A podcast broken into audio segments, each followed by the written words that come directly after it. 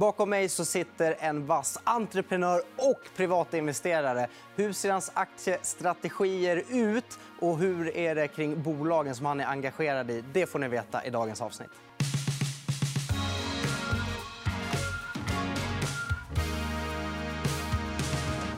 Ja, och därför så hälsar jag Petter Hedborg välkommen till EFN Marknad. Kul att ha dig här. Stort tack.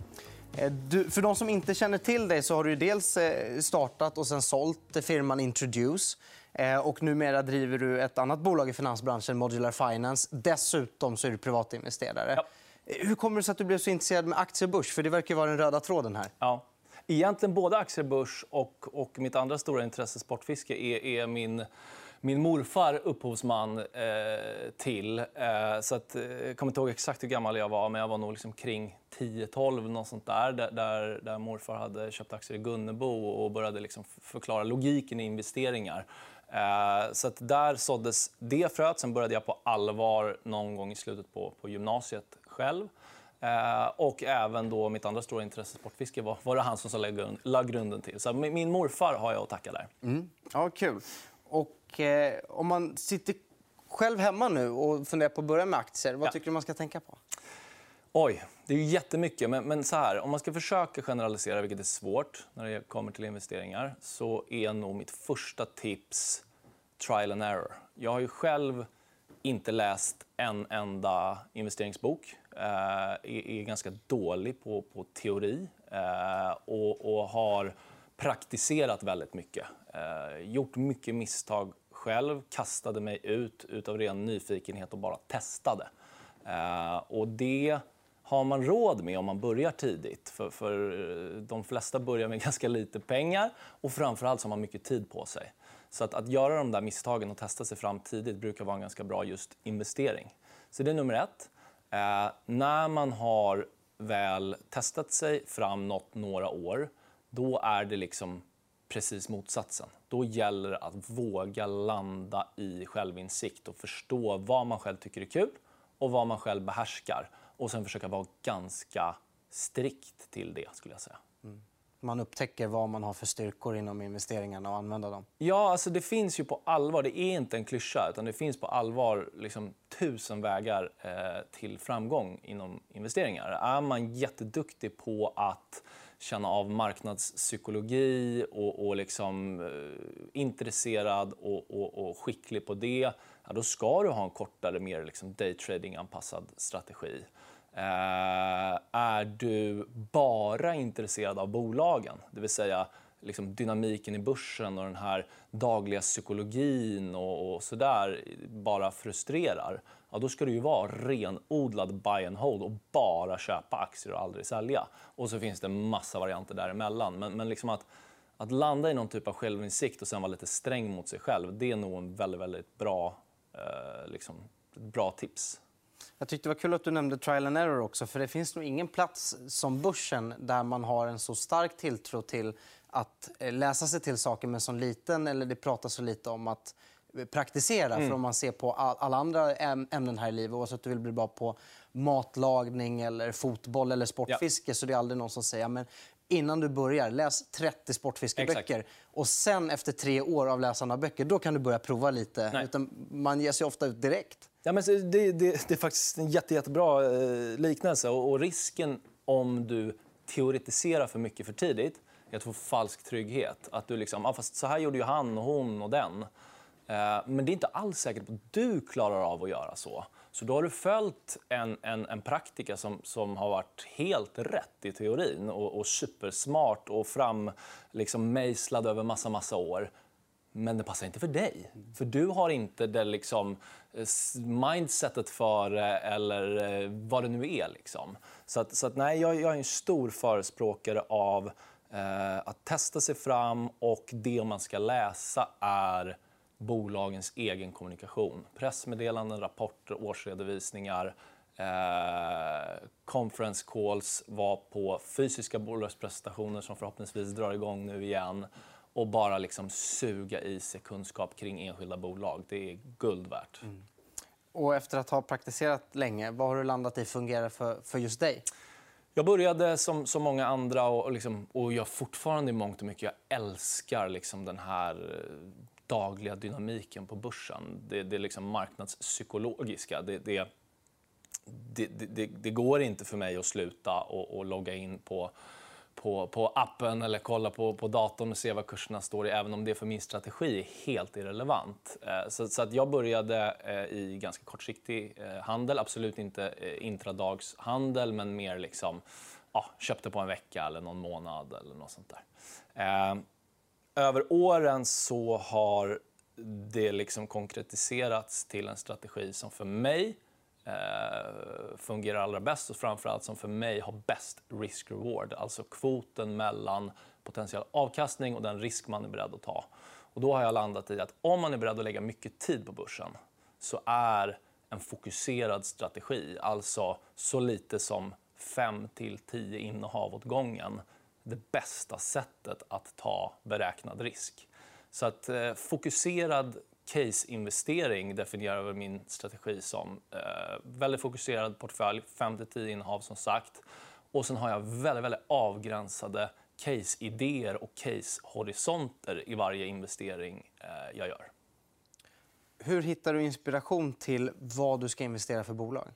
Eh, det där är också svårt. Jag kan beskriva hur, hur det funkar för mig, men ja. det är säkert inget särskilt bra tips för alla. Men, men jag har ju förmånen att, att, jobba med det här, att träffa väldigt mycket bolag, att ha ständigt en börsskärm uppe, läsa väldigt mycket nyheter.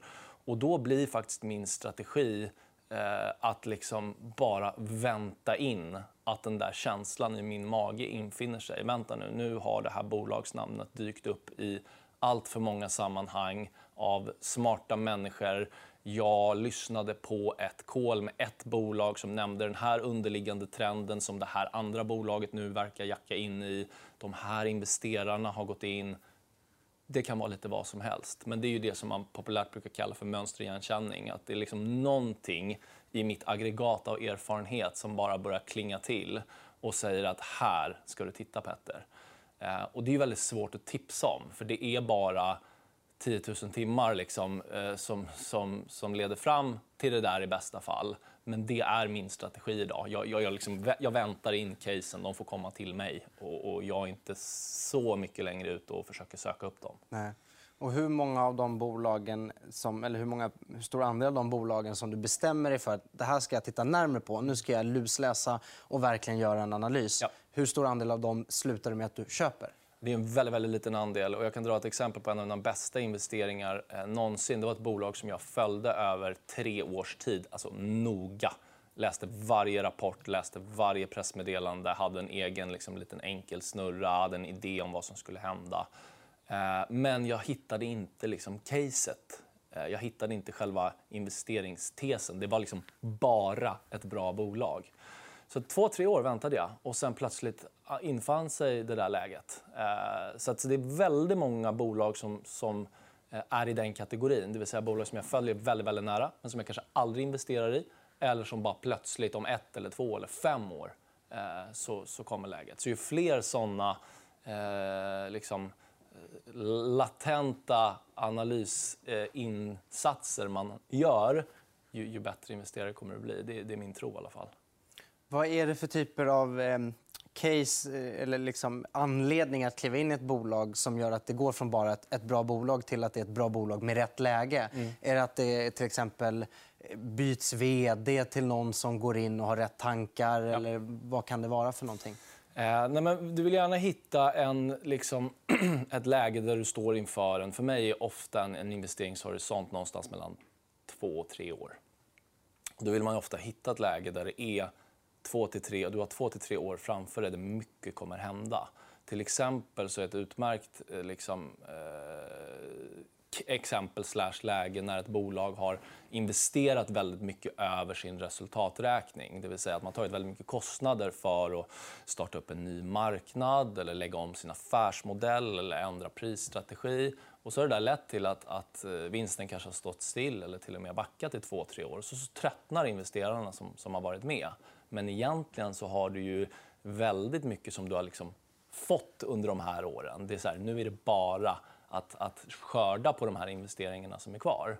Så eh, kan man lyckas hitta såna lägen så är det ju superintressant. Eh, Men ska du få en full pott i ett case, då vill du ha tre komponenter. Du vill ha topline-tillväxt, du vill ha marginalexpansion och så vill du parallellt att, att marknaden ska upptäcka bolaget så att du också får en multipelexpansion. Och får du alla de tre samtidigt, då, då gör du ofta 2 300% på 2 4 år. Och hittar man ett par såna investeringar i sin karriär, då, då räcker det ganska långt. Måste man alltid ha rätt? Eh, absolut inte. Eh, det finns ju massa fall där, där det räcker med att bara ha eh, lite rätt eller, eller ja, ha fel och, och, göra rätt i sitt beslut. Att, att kanske liksom, eh, ta en exit i, i det där caset. Men nej, ingen har bara rätt, så det måste man absolut inte ha. Mm. Det handlar om att väga riskerna mot den potentiella uppsidan? Då. Ja, ja, precis. Att allt man gör och allt man tittar på, alltid tänka risk-reward. Det vill säga, vad är jag beredd att ta för, för enhet risk och, och, och, och till vilken uppsida? Det kan vara ganska svårt att eh, och, och liksom konkretisera. Och man behöver inte räkna fram till det där. Utan ofta känner man lite grann i, liksom, i magen. Vad, vad, det är att titta på historik. Vad har det funnits för stabilitet i det här bolaget historiskt? Och, och, och sådana saker. Liksom. Så att, som sagt, allt behöver inte vara på, på andra decimalen och allt behöver inte vara så himla teoretiskt. Utan investering är för mig mer av en, en konstform. Liksom. Mm. Något som är lätt att glömma, som jag behöver påminna mig själv ibland om också, det är att det är bättre att göra 100 i varannat och minus 10 i varannat än plus 5 i varje bolag. Absolut. Och, och sen så, så, ska det där också alltid matchas med vad du för strategier, vad du är beredd att lägga för tid. För att om du vill vara relativt passiv och, och, och mer liksom ja, men ha en bekväm och fin resa på, på börsen, då är det ju jättebra och, och fine att försöka liksom matcha en strategi där du ska göra de där 5 procenten stabilt eh, varje år. För annars försöker du göra de här 100 minus 10, 100 minus 10 och så lyckas du inte med det. Och så, så realiserar du bara de här dåliga åren och lyckas inte alltid rida vinnarna kanske till exempel. Nej. Eh, vad vet du om, om aktier eller börsen idag som du önskar att du visste när du började investera? Ja, en av de där insikterna är väl att man inte behöver göra alla investeringar. Eh, det är väldigt lätt, inte minst nu när, när Twitter är ett helt fantastiskt forum och det finns så mycket liksom gratis kunskap att, att suga in sig. Men det är också totalt livsfarligt för det är så lätt att bara dras med och göra som alla andra. Eh, så en av de där insikterna som jag önskar kanske att jag hade kunnat berätta för mig själv lite tidigare det är att det är okej okay att inte ha prickat det här fantastiska bolaget som har gått 3000% på fem år. Det är okej okay att inte eh, förstå en viss sektor som, som just nu är i ropet. Och, och det är okej okay att inte våga investera i den här möjligheten där det finns ett, en, en, stor möjlighet att, att det kommer ett bud på bolaget eller vad det nu är. Utan gör bara de investeringarna som du är helt säker på att du kommer klara av att syna. Eh, jag har också, som många andra, dragits med väldigt mycket. Och så, så kommer en dag som, som idag, eh, måndag, eh, och, och, vi har en, en, ganska tråkig börs. Och då är det väldigt lätt att säga ah, men det här orkar jag inte med längre. Och så säljer man. Och då är det lite, lite kört. Mm. Speciellt kanske man har hängt på någon annans case. Då är de här, vi spelar ju måndag idag, mm. minus 3-4% på mm. börsen. Man är inte lika övertygad om någon annans case som man är om de man har hittat själv. Nej, och de som då var övertygade och berättade om dem då, de kommer också bita sig i, tungan den dagen och, och, och, inte tycka att det är lika kul och vara jättemotiverade och, och, skriva och berätta om sin case. Så det är inte deras ansvar. Eh, för alla måste ta ansvar för sina egna investeringar och, man får aldrig skylla på någon annan. Så, så det är bra att påminna sig om. Hur vet man när det är dags att sälja en aktie? Då? När känner du att nu har jag fått ut det av det här bolaget som jag ville. Eller nu har mitt case ändrat mm. sig. Det, jag hade fel om det här eller det föll inte ut som jag tänkte. Nu är det dags att ge upp. Ja. Hur vet du det? Alltså för, för, I min strategi så är det absolut inte enkelt, men det är lite inbyggt i och med att när jag gör en ny investering så tvingar jag alltid mig själv att ett, ha en horisont. Uh, och den behöver inte vara liksom på, på dagen, men den ska vara är det ett år, två år eller tre år och vad ungefär ska hända över den här perioden. Och så gör jag en superenkel, superful eh, snurra. Eh, där jag liksom bara plottar tillväxt, lönsamhet eh, och lite mer detaljerat i vissa bolag, kanske ner per geografi eller vad det nu är. Och sen så uppdaterar den där varje ny kvartalsrapport som kommer. Eh, och så frågar jag mig själv, är mitt grundcase intakt eller är det inte det? Eh, är det inte det längre, då ska jag sälja. Eh, så det är den ena eh, inom då den här caseperioden. Att är inte caset intakt längre, och det kan vara att någonting har visat sig i min tes vara helt felaktigt eller en vd som, som, som jag har sett som en stor del av caset har valt att sluta eller vad det nu är. Och det andra är ju att värderingen blir helt fel. Så i den här snurran så har jag också någon typ av grov multipel som även den får uppdateras kvartalsvis. Och där måste jag tillåta mig själv att eh, relativvärdera lite grann. Jag tycker att det är fel när folk säger att relativvärdering är så förfärligt. Jag tror tvärtom att investerar du på så korta horisonter som, som ett till tre år, då måste du nog ha lite taktkänsla och, och, och vara beredd att följa med lite med, med multipeln också. På gott och ont eh, med de riskerna det medför. Men att vara helt stelbent där tror, tror jag är fel. Liksom. Men det kan ju också vara så att jag har en idé ungefär vad det här bolaget är värt, vad aktien är värd. Och är vi liksom långt över det, ja, då kommer även det kunna vara en grund för att jag ska sälja. Mm.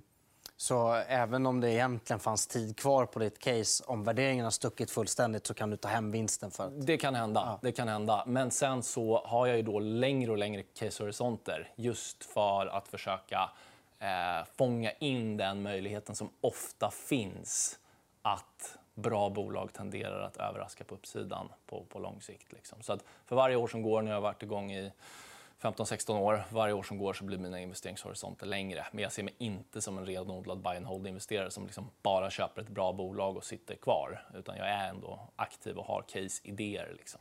Mm. Vi eh, lämnar aktier och börsen för nu. Eh, tänkte vi skulle prata lite grann också om Modular Finance som mm. du är vd på och grundare av. Eh, eller medgrundare, kan man väl säga snarare. Eh, hur har den eh, resan varit? Fantastiskt rolig och fantastiskt intensiv. Vi har varit igång nu i, i åtta år. Jag och Mons som grundade Introduce tillsammans har eh, och fortfarande driver Modular Finance. Eh, vi är nu 33 personer eh, och eh, är ju ett, ett, ett SaaS-bolag inom just eh, ja, Eh, bank och finans och noterade bolag. Så IR och, och analysverktyg är, är, våra produkter. Så har vi en liten portfölj av olika produkter. Så att, eh, det har varit en, en, en superintensiv eh, period, men väldigt, väldigt rolig. Och, eh, det har, eh, det har varit liksom en katalysator till, till mitt stora intresse investeringar och vice versa. Så det, det, har verkligen gått hand i hand genom de här åren. Har det gött ditt börsintresse eller har det gjort att börsen har blivit mer av ett jobb och mindre av ett intresse att ha, vara verksam i bolag inom branschen? Nej, men det har nog alltid varit väldigt separat. Man får ändå komma ihåg att vi är ett it-bolag. Vi, vi utvecklar... Så vi, vi, vi, vi vi, har, vi, vi är ett mjukvarubolag som, som, eh, som, som, utvecklar produkter och säljer dem till, till kund. Så det finns en väldigt liksom, eh, separat dynamik i det. Och, och, och sådär. Men, men det jag har märkt är väl att ja, kanske någon dag att jag bara kommer jobba med investeringar men jag märker hur viktigt eh, liksom, bekräftelse från kunder. Att kunder tycker att man gör någonting bra och att jag kanske kan berättiga att, att jag gör någonting vettigt och inte bara får en monetär avkastning på, på min investering. Så att jag har väl kanske påmints om att det är väldigt roligt att också vara lite operativ, eh, om än på en strategisk nivå i, i, i, mina investeringar. Att jag är ännu mer benägen att åka och träffa noterade bolag som jag har investerat i och försöker kanske bidra med någon liten erfarenhet här och där. Så på sikt, om du skulle någon gång i framtiden ägna dig åt att bara investera då känns det som att du ändå skulle vara ganska involverad i åtminstone minst ett av bolagen operativt också? Ja, eh, jag tycker det är väldigt roligt. och För mig så blir den liksom verklighetsanknytningen och att man kanske kan bidra lite grann mer än, än, än, än att bara välja rätt häst, så att säga, eh, betyder ganska mycket för mig. Eh, faktiskt. Mm. Eh, när noteras ni? Eh, Modular Finance? Ja. Ja, vi får se. Vi utesluter ingenting. Det, vi brukar vara ganska liksom, duktiga på att så här, ja, men, veta vad vi vill med saker och ting. Men, men framtiden för Modular Finance, vi får den där frågan ibland. Ja. Och det, det, det, ärliga svaret är, jag vet inte. Nej. Men helt omöjligt är det inte. Mm, kul. Någonting som har noterats däremot så sent som i fjol är Söder Sportfiske ja. där du sitter i styrelsen. Mm. Eh, hur kommer det sig att du hamnade i den styrelsen?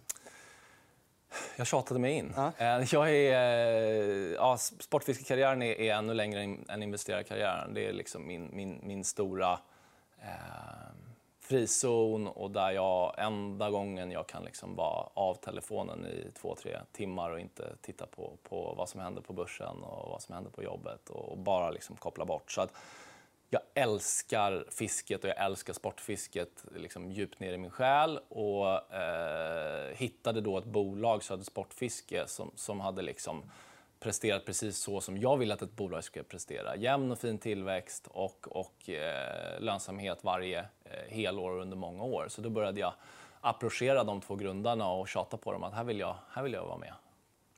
Uh, och det tog väl tre år uh, och sen investerade jag tillsammans med e-handelsexperten eh, uh, Right Ventures och så, så ägde vi det ytterligare blev det dryga tre år eh, som onoterat bolag och tog liksom första stegen att utveckla Eh, plattformen för, för e-handel. Det är framförallt ett e-handelsbolag. Eh, och sen så blev läget rätt där eh, de två grundarna kände att vi vill fortsätta jobba med det här i många, många år. Eh, men vi vill säkra hem lite ekonomiskt. Eh, så då gjorde vi en notering där, där de två var de enda som, som sålde aktier och vi tog inte in några nya pengar så fick vi ett, ett par tusen eh, sportfiskeintresserade aktieägare och så, så började vi en, en liten ny resa då på börsen. Mm.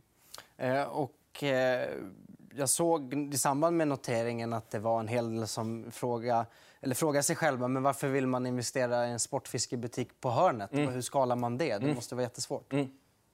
Och det förstår jag. Ja. Eh, Sportfiske det, det, är ju en sportfiskebutik på Hornsgatan men det är en väldigt liten del av, av verksamheten eh, idag. Eh, en bra bit över 80 av, av omsättningen är e-handel eh, via eh, det svenska Eh, varumärket sportfiskeprylar.se. Och sen så har vi även sportfishtackle.com och den, den eh, separata tyska sajten sportfishtackle.de. Och sen efter noteringen har vi också eh, förvärvat en flugfiskespecialist som heter Fishline Eh, så, så, det finns eh, många vertikaler att växa med och, och, skala i och butiken är jätteviktig för arvet och också för liksom, omnikanalsupplevelsen. Att, att klämma på, på beten och få lite hjälp och välja rätt spö är helt fantastiskt och då kan man göra det i centrala Stockholm vilket är lite häftigt. Men det är ju faktiskt en, en, en på, på lång sikt ganska eh, ja, en mindre del av affären om man säger så. Vart tycker du man ska åka om man ska få den bästa sportfiskeupplevelsen?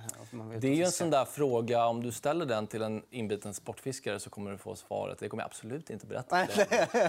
eh, för det är det man håller absolut närmast på kroppen, sina bästa platser. Det är som svampställen eh, ungefär? Ja, ännu värre skulle jag säga. Okay. Mm. Ja, då ska in... Pass, ja, säger jag. Ja, ja. Bra, men då, svarade du som en... då klarade ju du testet. Då, då svarade du som en riktig sportfiskare. Eh, och där visade jag också blotta min okunskap. Jag provade första gången i somras, men det var kul. Skoj. Tack så mycket för att du kom hit, Petter Hedborg. Stort tack. Det var vad vi hade att bjuda på i dagens EFN Marknad. Men vi är snart tillbaka igen. Om du har tittat via Youtube, tryck gärna på prenumerera och lämna en tumme upp. Och vill du hitta oss i sociala medier, då heter vi EFN TV. Ha det fint. Hej då!